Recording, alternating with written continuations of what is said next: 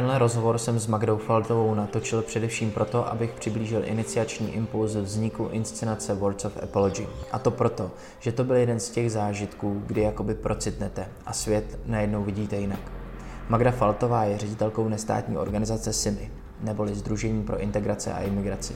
A asi i protože je v čele těch, kteří se snaží pomáhat lidem v nelehkých životních situacích, Nedostává se jí pochval a obdivu, nýbrž nenávisti a nadávek, tak drsných, jako je tato. Vy jste píča. Ví vaše matka, že jste dementní? Nebo ty kundo, naser si ty utečence k sobě, ať tě vyjebou jako štětku. Ty seš ředitelka združení? Tu zase vyžíráš stát za hovadiny, běž dělat pořádnou práci, třeba do Kauflandu, za pokladnu, ty huso debilní. Tady takové združení máme mi platit? Nasrat. Za to si jezdíš na dovolenou do ho a kde jakých prdelí.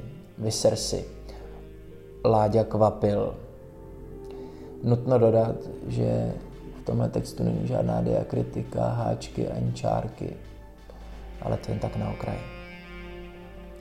Magru jsem potkal ve studiu Alta zhruba před rokem a půl na diskuzi, která se jmenovala Ženy v uprchlické krizi před 20 lety a dnes. V průběhu celého panelu jsem poslouchal sebevědomého, pragmatického člověka, ale když došlo na ono téma výhružek a nenávisti, viděl jsem někoho úplně jiného. Víc to asi popíšeme spolu s Magdou v rozhovoru. A právě tento moment mě vystřelil do spirály zkoumání online nenávisti. Sešel jsem se s několika ženami, kterých se toto téma týká a zkoumal jsem vše, co jsem jen mohl. V jednu chvíli jsem narazil na citát Alberta Einsteina a sice Žádný problém nemůže být vyřešen na stejné úrovni myšlení, která jej stvořila.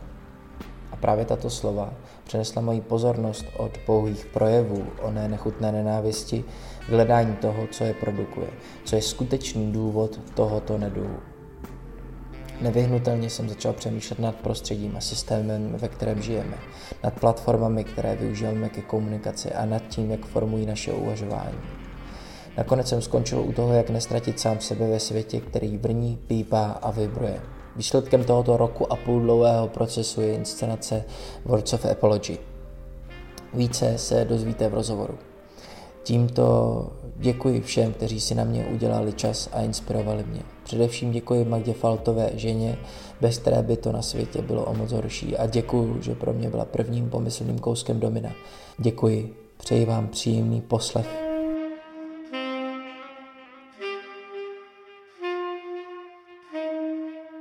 Tak ten uh, začátek toho rozhovoru by měl být jako úplně obligátní v tom slova smyslu, že teda uh, by mě zajímalo, uh, jaký je váš jako background v tom slova smyslu, asi, asi teď mluvím o škole a tak, a zároveň co přesně teda děláte ve vaší práci.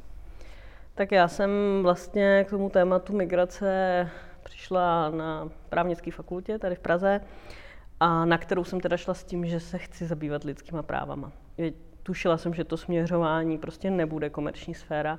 Celkem se mi to potvrdilo. A e, přihlásila jsem se tam na právní kliniku, mimo jiné teda, která se zabývala právě azylem a uprchlictvím.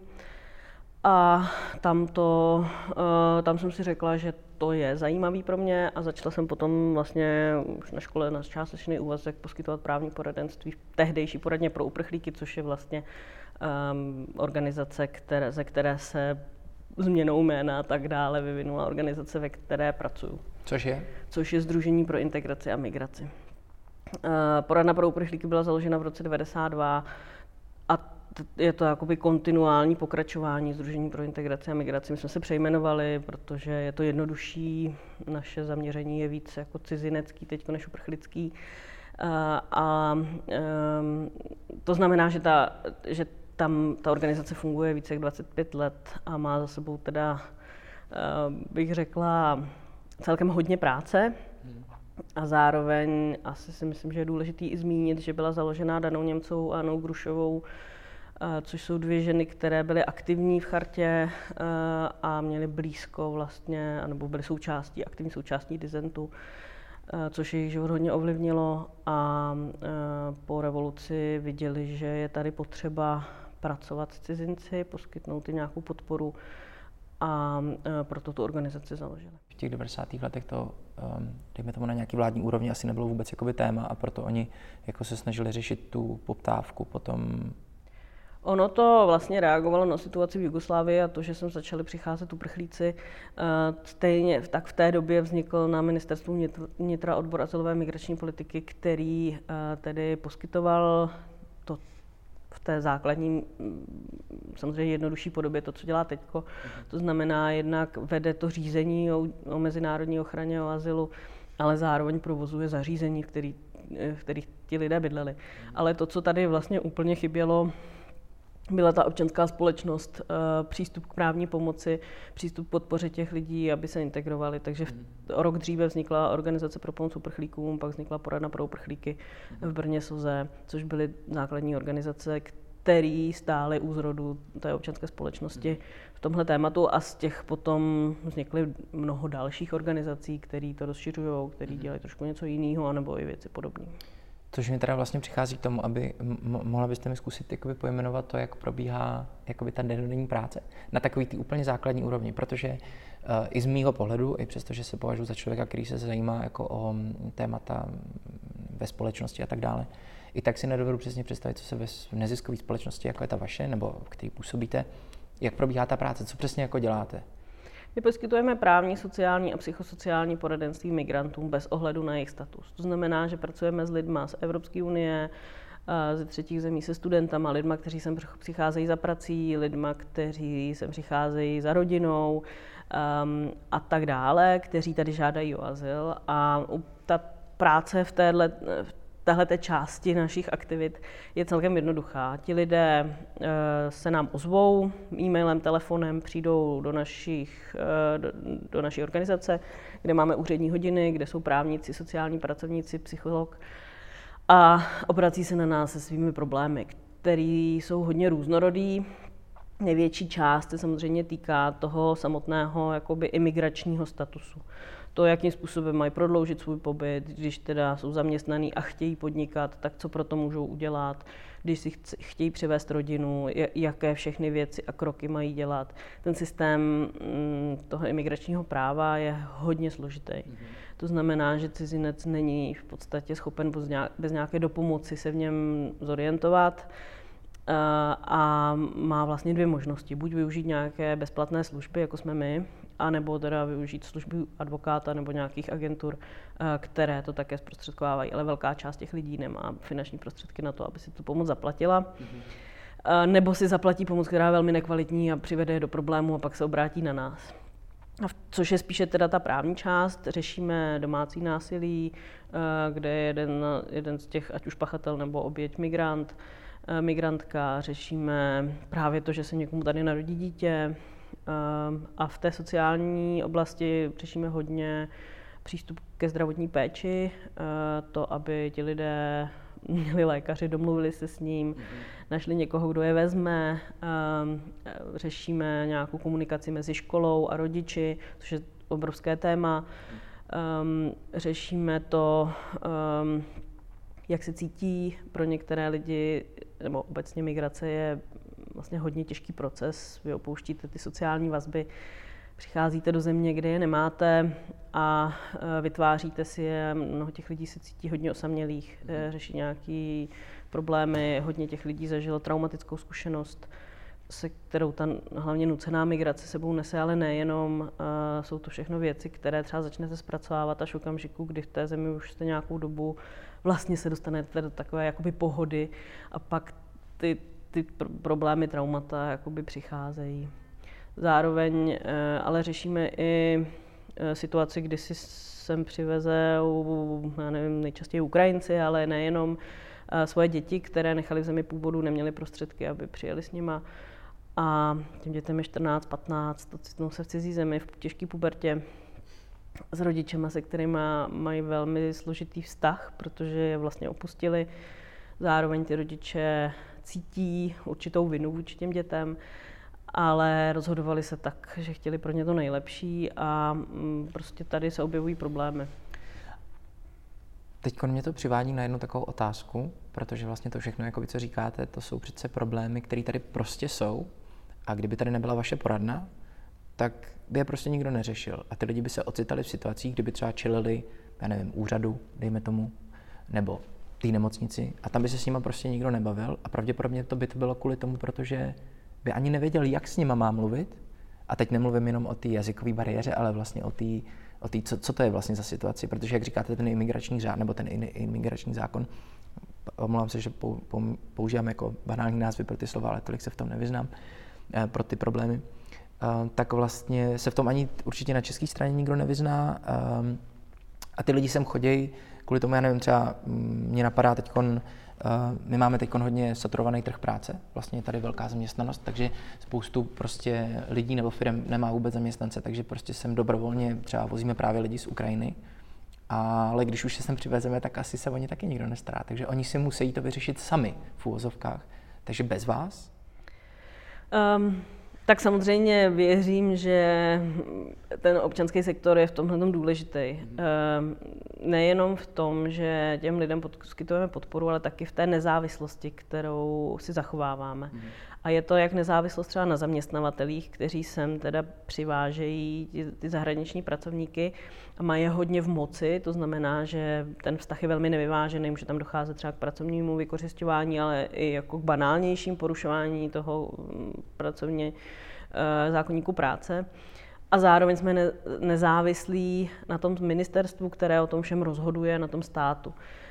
Um, což si myslím, že je hrozně důležitý obecně pro ten občanský sektor, zachovat si prostě tu nezávislost proto, aby v tom prvním řadě toho našeho zájmu byli právě ti naši klienti, cizinci, lidé, kteří nemají finanční prostředky na to, aby si zaplatili uh, advokáta. Hmm. Takže myslím si, že by to bylo složitější, kdyby jsme tu nebyli, ale asi by to nějak dopadlo. Hmm. Myslím si, že by cizinci se měli o něco hůř hmm. a zároveň ve výsledku by se o něco hůř měly i ty uh, české úřady nebo uh, školy, i zdravotnická zařízení. To znamená, my, my poskytujeme i interkulturní tlumočení, snažíme se právě doprovodit ty klienty, kde je velká jazyková bariéra. To znamená, že směřujeme k tomu, aby jsme ulehčili práci eh, těm dalším subjektům. A to všechno teda ideálně vede k tomu, aby ti lidé se naučili eh, tady si svoje řeš- problémy řešit sami, aby nás potřebovali co nejmíň a vlastně se integrovali do té společnosti, aby se stali jejich sou, její součástí. Já mám vlastně totiž pocit, nebo já mám takovou jako tendenci k analogím a vždycky eh, v divadle je hrozně důležitý, že je někdo, kdo uh, rozumí trošku té umělecké práci a někdo, kdo rozumí té technice, protože divadlo vždycky je hodně vlastně technická disciplína, světla, zvuk, všechno, prostě je to velmi složitý. A vždycky je velmi problematický, když se sejde jako velmi jako technická disciplína a velmi jako umělecká, umělecký člověk velmi technický člověk. A najednou do sebe naráží, protože neznají ten slovník. Takže se správně chápu, tak to vaše poradna má vlastně trošku tu roli. Toho člověka, který je uprostřed a vlastně rozumí obou dvou stranám a tím pádem je schopný vytvořit nějaký most. Ideálně ano. Zároveň eh, v té právní práci před, eh, asi více ehm, se snažíme opravdu jako vystupovat jako někdo, kdo podporuje cizince v tom, aby dosáhli svých práv. Mm-hmm. A, takže v některých věcech jsme, ho, bych řekla, poměrně jako možná v úvozovkách agresivní v tom, že někdy se nesnažíme zprostředkovat, někdy se snažíme prosadit mm-hmm. to, že to, tady je nějaký nárok, který ten člověk má a ten stát by to měl akceptovat a ne, nerozhodovat podle nás protiprávně nebo nejednat protiprávně. To znamená, že se snažíte prostě jenom vymáhat to, jaký máme zákony a tak dále. To myslíme tou agresivitou, mm-hmm. ne v tom slova smyslu, že jste jako agresivní, agresivní. A já myslím, že ty konce nám podařilo uh, do určité míry um, popsat vaší práci, to, co děláte, proč tady ta práce je, nebo proč je důležitá poradna, jako je ta vaše. A teď by mě vlastně zajímalo, jak se stavíte k tomu, uh, jak je ve společnosti, jak se to dost často používá slovo neziskovka, jaký naladění proti organizaci, jako je ta vaše, protože já mám pocit, že do určitý míry je to nedorozumění, protože kdyby lidi doopravdy znali to, co děláte, tak by se, tak by se tak by ne, nemohla vznikat ta určitá jako nenávist těm neziskovkám, protože já si myslím, že vlastně ta nenávist je jako kdyby společnost měla pocit, že vy jste ten, kdo vytváří ten problém. Vy jste ten, kdo jak kdyby je tvůrcem, strůjcem těch problémů. Dejme tomu ty imigrace a tak a tak dále. Ale ona to přece není pravda, protože vy se to naopak snažíte řešit všechno. Tak um, já myslím, že to je hodně podobné to, co, čemu čelí nezisk um, nebo nestátní organizace. Um, to, tomu, čemu čelí migranti, ta představa toho, že je někdo odpovědný za, uh, za to, že existují problémy, že se věci nedaří uh, v té společnosti, tak uh, se našel viník, jsou to neziskovky, které nic nevytváří, nic nedělají, jenom čerpají ze státního rozpočtu a nás to všechny stojí hodně peněz. Je to, myslím si přesně tak, jak říkáte, 90% těch nevládních organizací poskytuje nějaké služby, snaží a podporuje uh, skupiny osob, které jsou nějakým způsobem znevýhodněné, ať už mluvíme o um, zdravotně postižených, uh, sociálně znevýhodněných a tak dále, uh, dětech um, s postižením a, a tak dále a tak dále. Zároveň um, je potřeba si podle mě uvědomit, že ten sociální systém je postavený na práci neziskových organizací. Mm. A pokud uh, je nebudeme financovat, tak nám tady skolabuje péče o seniory, mhm. skolabuje nám tady péče právě o lidi s postižením, uh, raná péče, uh, která vlastně pomáhá rodinám s dětmi, které mají postižení, proto aby se vlastně zmírnilo a mnoho, mnoho dalších služeb, které jsou jako zásadní pro to, aby v té společnosti panoval nějaký sociální smír. Protože ono to je vlastně tak, že, že jakoby stát na ty neziskové organizace vlastně jako distribuje vlastně svoji práci, jestli tomu správně rozumím. On, on vlastně Uh, on vlastně řekne, tady jsou tady nějaká skupina odborníků, já jim poskytnu uh, finance na prostě jejím mzdu, na, na, na práci na provoz té organizace a ona bude řešit vlastně moji práci, jestli tomu rozumím. Je to tak. Je to přenesení nějaké uh, služby, která, kterou by stát měl poskytovat svým občanům na, uh, dejme tomu, soukromý subjekt ve smyslu tedy, že to není státní organizace. Přičemž uh, vlastně do, zároveň v tomto procesu distribuce té práce dochází ke vzniku té určité nezávislosti. To znamená, že to potom jako zpětně přece já bych dokonce řekl, že to obohacuje ten stát zpětně, protože vlastně dostává zpětnou vazbu, protože vlastně, já nevím, vždycky, když, ehm, když něco je uvnitř té organizace, tak je jasný, že eh, nebude dostat tu zpětnou vazbu jako zvenku, že? Protože vy nastavujete zrcadlo tomu, tomu aparátu, těm politikům a tak dále. A to si myslím, že je trochu ten problém, uh-huh. že um, ten stát vlastně, nebo ti politici asi nejvíc, ale i úředníci vlastně úplně nechtějí uh, vědět, že některé věci jsou špatně a že třeba oni špatně dělají. Mm-hmm. Um, a to si myslím, že je jeden z těch aspektů toho, proč neziskovky se staly tím nepřítelem. Mm-hmm. Říkáme to, co si myslíme, říkáme to na základě nějaké zkušenosti, samozřejmě to vždycky nemusí být úplně pravda a ten obraz je možná někdy komplexnější, než si myslíme, ale myslím si, že to je relevantní hlas, který prostě musí zaznívat a měli bychom být kritický ke komukoliv bez ohledu na to, v jaký, eh, v jaký je pozici, z jaké eh, je strany um, a případně teda, jestli se ty jeho politické názory třeba nám jsou sympatičtější nebo nejsou, pokud mm-hmm. prostě ta politika mm, se v reálu projevuje jako špatná, tak, tak to prostě máme říct. A pak další určitě důležitá věc je to, že vy, vy, vy jste prostě na ulici, vy, vy se s tím potkáváte, s tou denodenností, vy s tím prostě pracujete, ale třeba z pohledu těch úřadů, eh, který na vás, nebo respektive ten stát, který na vás distribuoval tu práci, tak on je trošku vlastně skovan za zdí. On jakoby nevidí, nečelí té denodennosti a, a vlastně ani jako nemůže. Tak to je, mm, to je eh, já jako vlastně potom chápu, že vlastně ten stát nemůže vlastně přesně úplně chápat ty problémy, protože prostě je nevidí jako by tváří tvář. Je toho určitě čas, na druhou stranu i my si musíme uvědomovat ve chvíli, kdy mm, jakoby děláme nějaká doporučení vůči politikám a, a opatření, který ten stát dělá, že my taky vidíme jenom výsek. My vlastně mm-hmm. se taky intenzivně věnujeme v našem případě cizincům, kteří mají nějaký problém a ti všichni, kteří nás nepotřebují, tak um, prostě si to nějak zařídí sami, takže nemůžeme říkat, vůbec to nefunguje, pokud, eh, nebo, nebo respektive můžeme to říkat, ale měli bychom si to nějak analyzovat. A to je, bych řekla, jedna z největších bolestí nějaké veřejné politiky v České republice.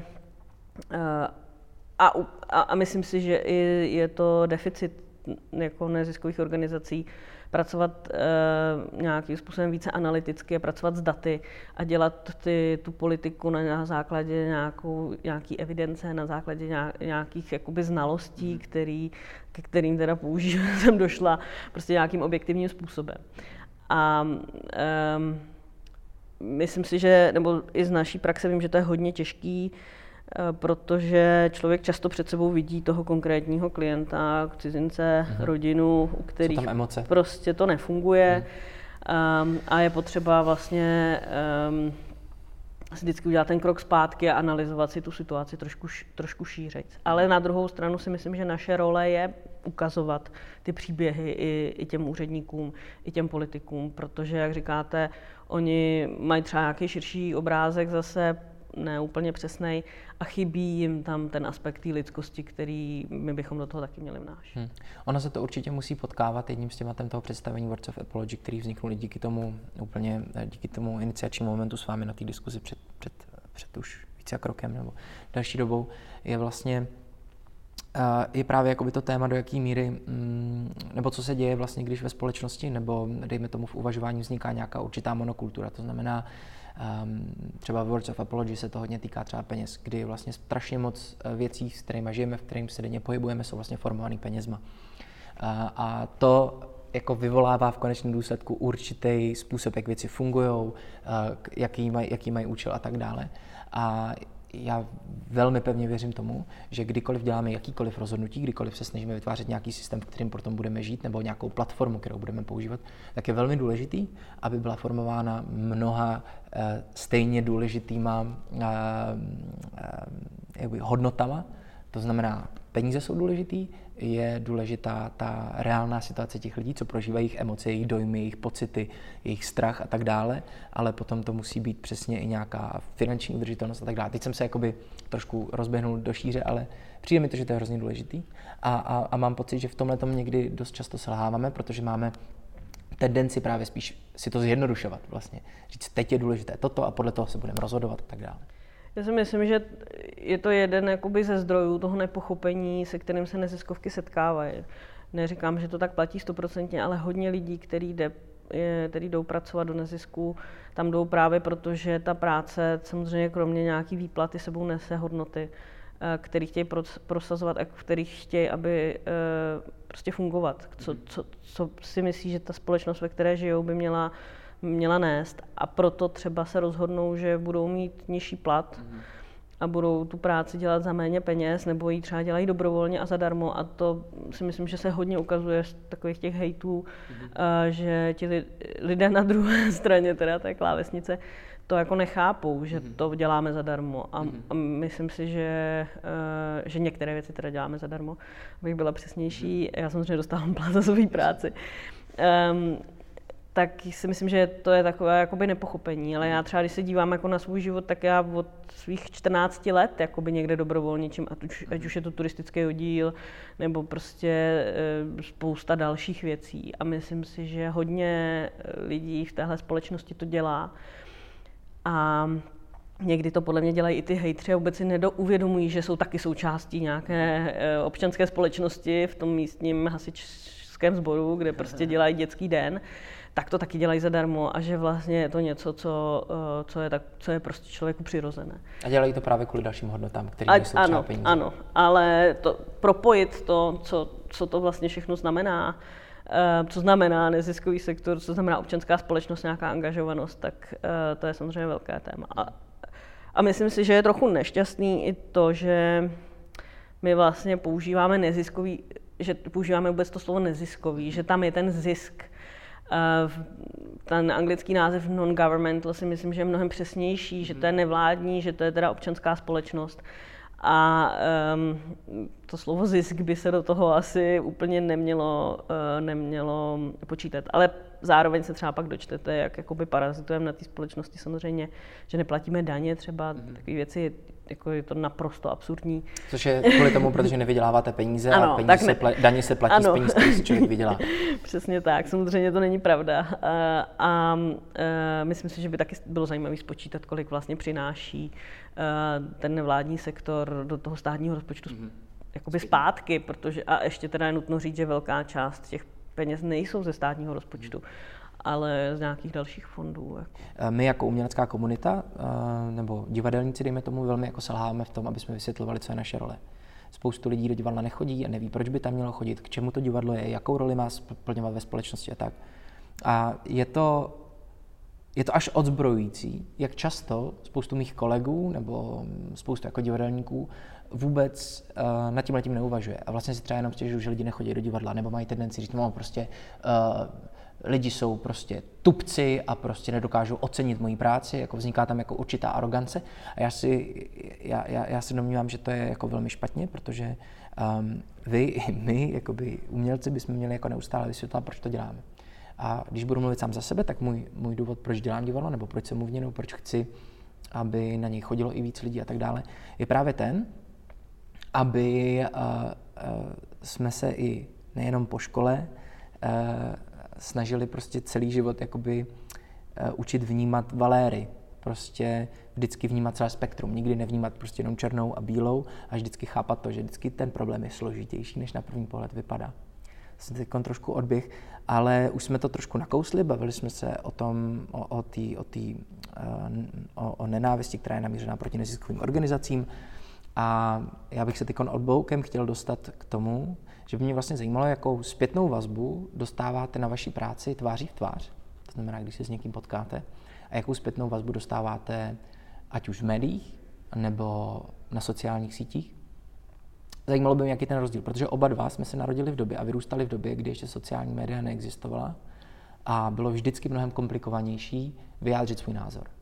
Mm, už jenom kvůli tomu, už dejme tomu jenom si představím hypotetickou situaci v době, kdy mě bylo 10 let a já bych chtěl uh, třeba říct, že mám rád pana starostu v táboře, tak bych musel jít na poštu, napsat dopis, ten dopis hodit do té pošty a vlastně všechny tyhle ty překážky, které vlastně mi ta cesta nastavila, uh, vytvořily jako, že jsem to musel mnohem víc zvážit, musel jsem vytvořit mnohem větší úsilí. Když to dneska je vyjádření názoru klik daleko, tak by mě zajímalo, eh, jestli jste schopná trošku porovnat vlastně tenhle ten vztah mezi, mezi tím setkáním tváří v tvář a v online prostoru.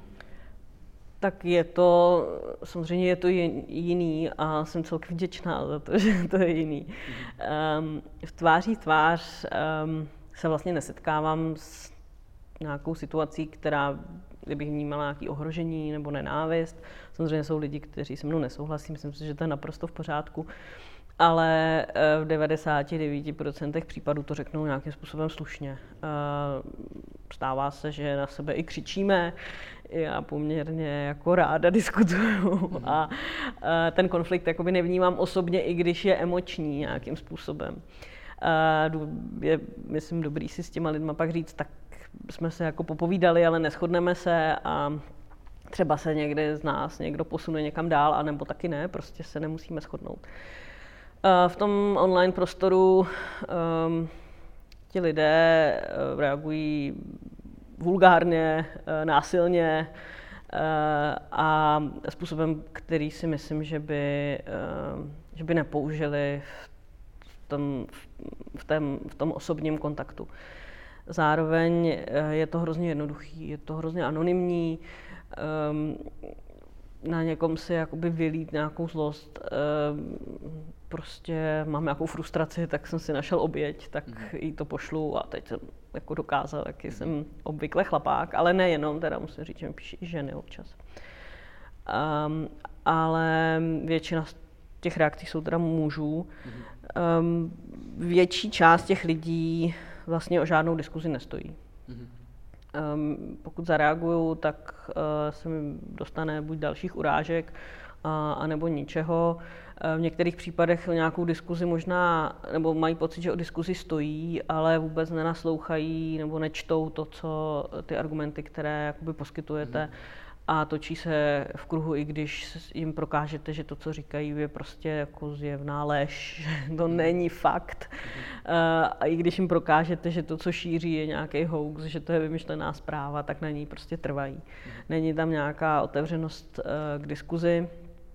A já na ní asi za, taky zároveň nemám jako trpělivost. Uh, Takže, jestli to správně chápu, tak se vám ještě nestalo, že by v tom online prostoru vznikla nějaká konstruktivní diskuze? To se mi moc nestalo. Jako s někým, kdo je vyloženě zpočátku nenávistný, ne. Jako samozřejmě se mi stalo, že diskutuju s někým, kdo zastává jiný názor a tak se jakoby navzájem obohacujeme, ale to je trošku jako jiný, jiný, jiná forma. Stalo se mi ovšem například to, že jsem měla nějakou tiskovou konferenci s panem Dlouhým o, o zahájení prostě fondu pro uprchlíky a napsal mi nějaký pán, jak jsem byla strašná, jak jsem jako se zadrhávala, nevím co. A měl pravdu, jakoby te, to moje vystoupení nebylo úplně takový, jak bych si představovala. Napsal to poměrně jako hnusně, ale nebyl prostě třeba vulgární, ale bylo znát, že to je takový jako hate vlastně typu, no ale jak je dlouhý, je super a vy prostě tady možná mi i tykal, to nejsem jistá. Tak jsem mu jako odpověděla, že má pravdu, že se mi to nepovedlo a že prostě jsou někdy jako situace, které se člověku nepovedou.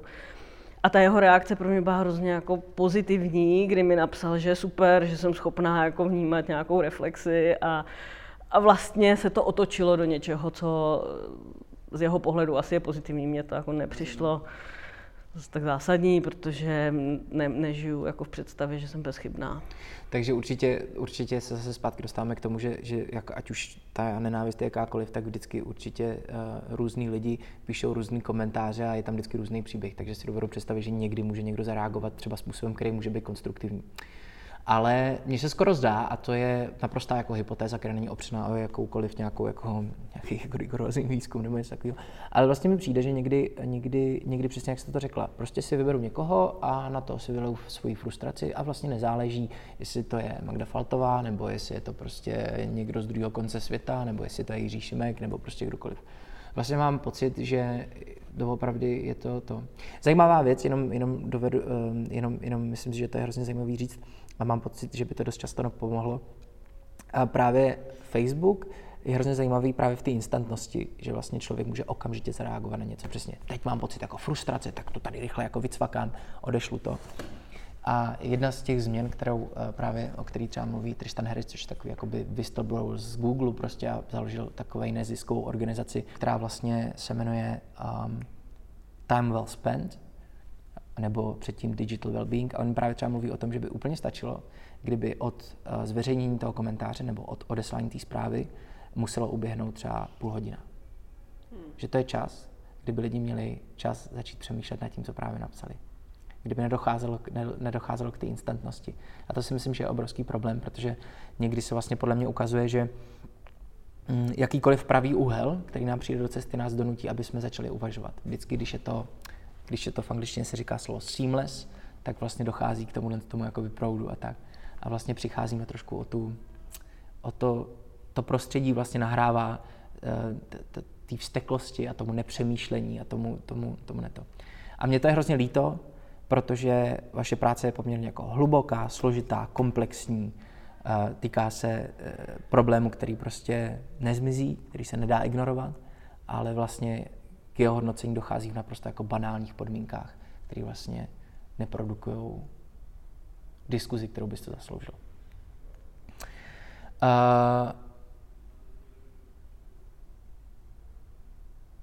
myslím, že jsme skoro prošli všechno, co mě zajímalo. Přemýšlím nad tím, jestli tam není ještě něco, co uh, byste chtěla říct, když je tady příležitost. Mně jenom napadlo teď něco, že bych se chtěl ještě možná na závěr rozhovoru vrátit na začátek toho, co se stalo protože ta diskuze, která proběhla v Altě, tehdy se jmenovala Ženy v uprchlecké krizi před 20 lety a dnes, mě tehdy odzbrojilo to, když jsem vás slyšel eh, mluvit o vaší práci. A odzbrojilo mě to, že jsem se na vás koukal, byla tam sebevědomá žena, která mluvila o tom, čemu se věnuje. A pak jsme se v určitou fázi dostali k tomu, že jste začal mluvit o té nenávisti, která vám chodí, kdy jste mluvila o té vulgaritě, která tam je a tak dále. A tehdy jsem viděl takový záblesk v očích, nebo možná jsem se to namlouval, určitou změnu v tváři, která eh, ve mně vyvolala emoce a vlastně jsem si řekl, to je, to je hrůza, jakoby vlastně určitý strach nebo ten, ten pocit toho, ten hlas se tehdy trošku jako rozklepal a mě to najednou prostě přišlo hrozně líto a to byla motivace k tomu, proč jsem začal pracovat na tomhle představení. A a tak tolik to je, jako jenom vlastně jsem chtěl, aby, aby tady zaznělo to, to, co jsem tehdy prožil. No. Ten, ten, ten, to překvapení z toho. Tak je jako, eh, myslím si, že, že to je zkušenost, která na jednu stranu možná si za pár let někdy řeknu, že cená. Mm-hmm. Na druhou stranu jako je to náročný eh, si číst jako věci, kdy jednak samozřejmě ty lidi útočí na to, jak vypadáte, jak jste, co děláte. Zároveň ty, eh, je tam jako obrovská míra vulgarity a nenávisti, výhružek nějakým násilím. Ať už znásilněním, nebo prostě zabitím, nebo čímkoliv dalším tak je to vlastně hodně těžký. Jako pro mě to je dlouhodobá práce se sebou, s, eh, s podporou nějaký jako mm, supervize. Eh, není to úplně tak, že se mě ty věci nedotýkají eh, a samozřejmě, když toho člověk má hodně, je unavený, věci se nedaří, tak se ho to dotýká mnohem víc. Mm-hmm. Útočí to vlastně na nějakou jakoby sebehodnotu a myslím si, že a je to možná velká generalizace, ale myslím si, že ženy ve veřejném prostoru to mají poměrně těžší než muži. I proto, jakým způsobem se ta společnost dívá na to, jak vypadáme, jakou má představu toho, jak bychom se měli chovat, jak bychom měli působit. Vlastně nemá příliš ráda jakoby eh, velký sebevědomí. A eh, takže to jakoby je další střípek do, do nějakých nejistot, který, eh, který člověk má. Myslím si, že každý vlastně, kdo trochu přemýšlí o sobě, tak vnímá nejistoty. Není si vždycky jistý tím, co říká, eh, jestli teda opravdu to, to tak je, eh, jestli to dělá správně. A, a tahle ta část, která je vlastně hrozně jako hnusná a špinavá, mm-hmm je v tomhle hodně složitá a je i těžký eh, pro mě eh, o tom veřejně mluvit. Eh, je to tak, že vystupujete najednou jako oběť. Nejste hmm. jako ředitelka organizace, nejste ten, kdo jakoby v uvozovkách bojuje za práva těch jako možná jiných obětí, ale nebo lidí, který, který nemají hlas, tak je to hodně jako pohled z jiné strany. A přestože si jako nemyslím, že jako rozhodně to nechci bagatelizovat, to, to verbální násilí. Ale e, samozřejmě vnímám ten rozdíl toho, jestli vám někdo fyzicky ublíží, jestli se cítíte jako e, ohrožení na životě. Já jsem se tak necítila zatím nikdy. Mm-hmm. Ale e, tu zranitelnost v tom vnímáte a samozřejmě vnímáte i ten výsměch, když o tom potom mluvíte. Mm-hmm. Což je jako další jako vlastně sekundární viktimizace, kdy vám ty úřady, když se na někoho obrátí, a nejenom spousta lidí uh, vám řekne, tak to nic není, tak si to nečti, tak si toho nevšímej, teď prostě se tě to netýká, uh, to je svoboda slova, tak to akceptuj. Tak uh, to samozřejmě té situaci moc nepomáhá a pak se tam objevují všechny ty stereotypy typu ukňouraných hysterických ženských, mm-hmm. který který teda um, chtějí na sebe upozornit. V podstatě tak jsou další názory toho, že si to vymýšlíme všechno. Hmm. Přitom při tom to množství té negativity, teď to nebudu, nebudu říkat, ale eh, že na začátku jste mi taky po, po, um, dala k dispozici něco z mailů a něco z toho, co vám doopravdy chodí a to možná potom ještě třeba přidám do úvodu, třeba nějakou citaci z toho, co vám třeba lidi někdy píšou, ale uh, je, to, je to zvláštní, protože ta hutnost toho hnusu jakoby, je tak obrovská. Přitom ale mám pocit, a je to zase jenom teorie, že přeci jenom je to trošku z nedorozumění. Prostě. Je to doopravdy z toho, že jako nevíme, co se děje na těch dvou stranách. Jakoby lidi nevědí ve skutečnosti, jak probíhá vaše práce, proč tady ta práce je. Ten problém je hrozně jakoby komplexní, ale furt se to smívá tohle s tou zvláštní jako banálností, bych řekl, vyprázdněností určitou. Já jako upřímně řečeno si nemyslím, že to je nedorozumění. Ne? Mm. Samozřejmě v, mnoha, v situacích, kdy ten člověk mi píše, že tady, já nevím, parazituju na státním rozpočtu a tak dále, dobře, tam se můžeme bavit o tom, že to je nějaký nedorozumění. Mm.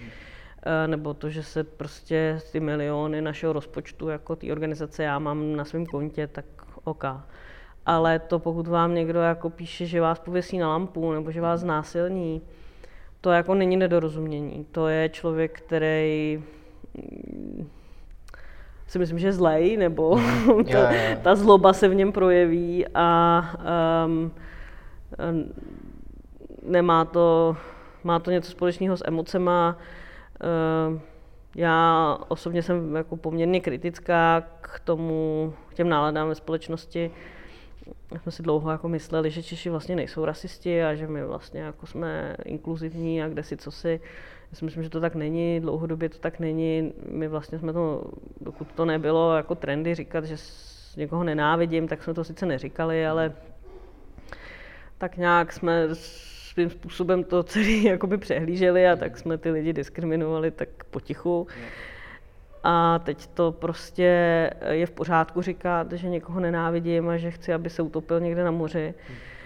A tak to říkám a tou společností to asi moc nehýbe. Jako. Um, takže eh, můj názor je, že prostě je tady hodně frustrovaných lidí, kteří si svoji frustraci ventilují uh, nějakým um, jako ne, nevím, jestli nevhodným, ale dokonce jakoby protiprávním způsobem mm. um, vůči komukoliv, kdo je trochu jiný, kdo má jiný názor.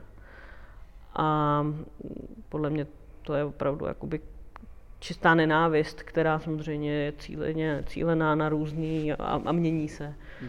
Ale um, já jako u mnoha těchto těch lidí já třeba nemám ani potřebu, kdyby to bylo tak jako, tak se pojďme sejít a povídat si o tom, co jste udělal.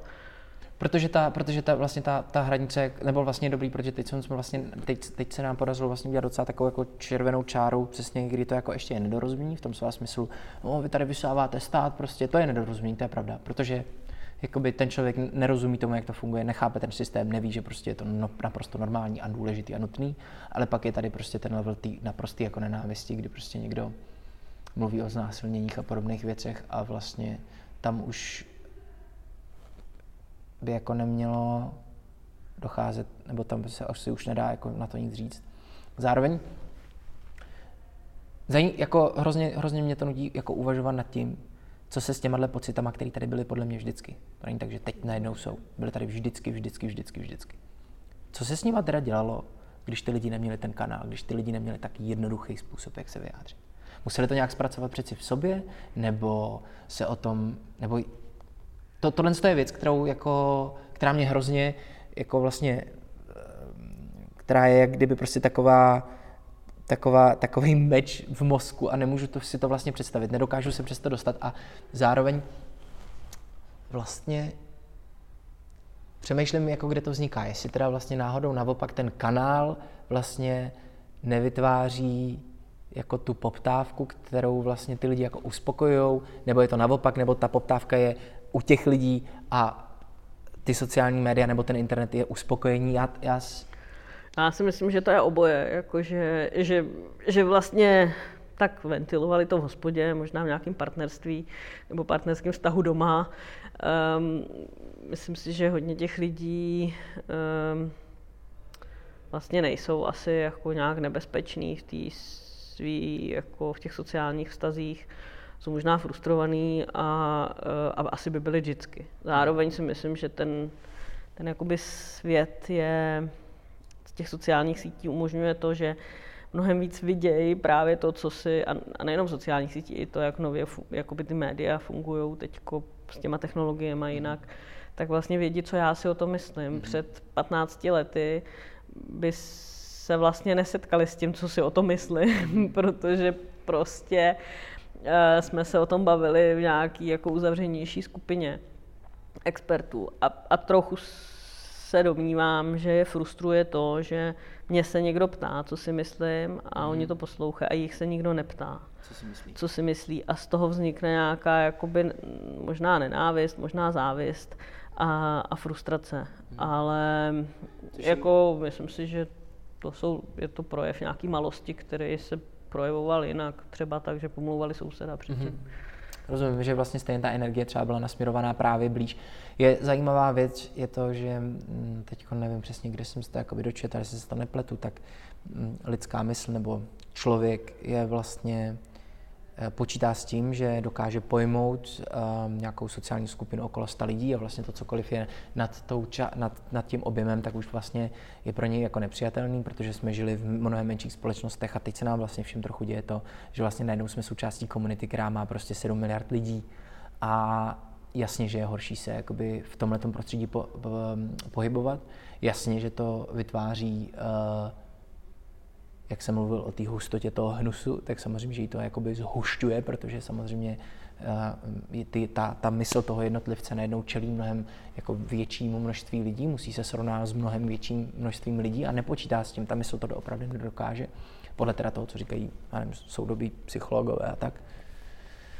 Takže určitě to je jakoby spoustu vlivů.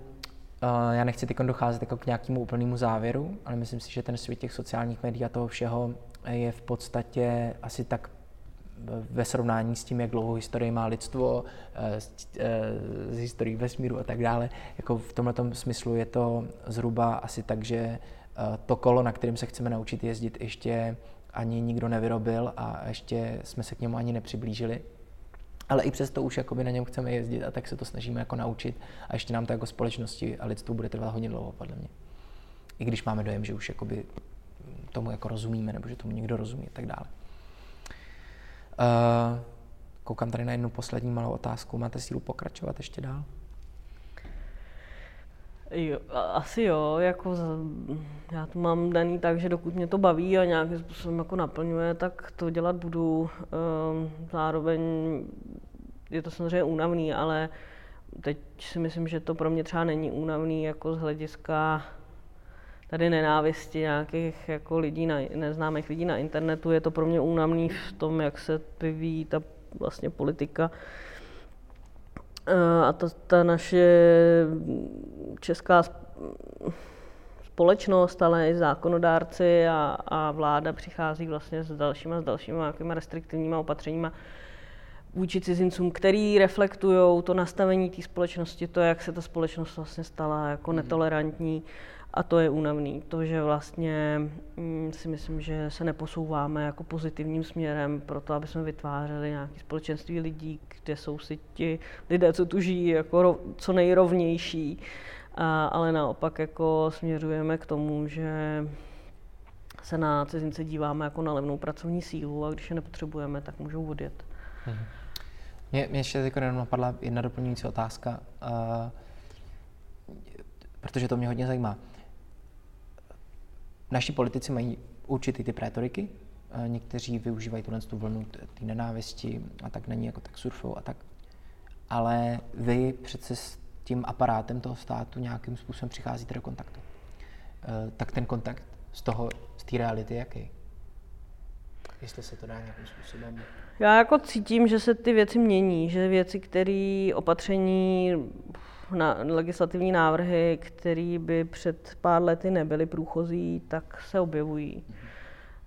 Um, nemám pocit, že se pozitivním směrem třeba vyvíjí i náš vztah jako občanského sektoru v té oblasti migrace a ministerstva vnitra, který je hlavním gestorem uh, té integrační a migrační politiky. Um, na té jakoby úřednické úrovni um, mám, jako mrzí mě, že, že ta občanská společnost pořád není vnímán jako někdo, kdo tomu přináší něco pozitivního, ale spíš, jako, že jsme jakoby nepřátelé, hmm. který furt něco kritizují a vlastně ničí jim tu jejich práci. A v, té, v těch debatách s těma politikama tam je, je to jako, pro mě je to poměrně hodně frustrující, je to velká součást mojí práce a um, jednak mám pocit, že ještě víc narůstá nějaký jako amatérismus, tu nez, nevzdělanost mezi poslanci.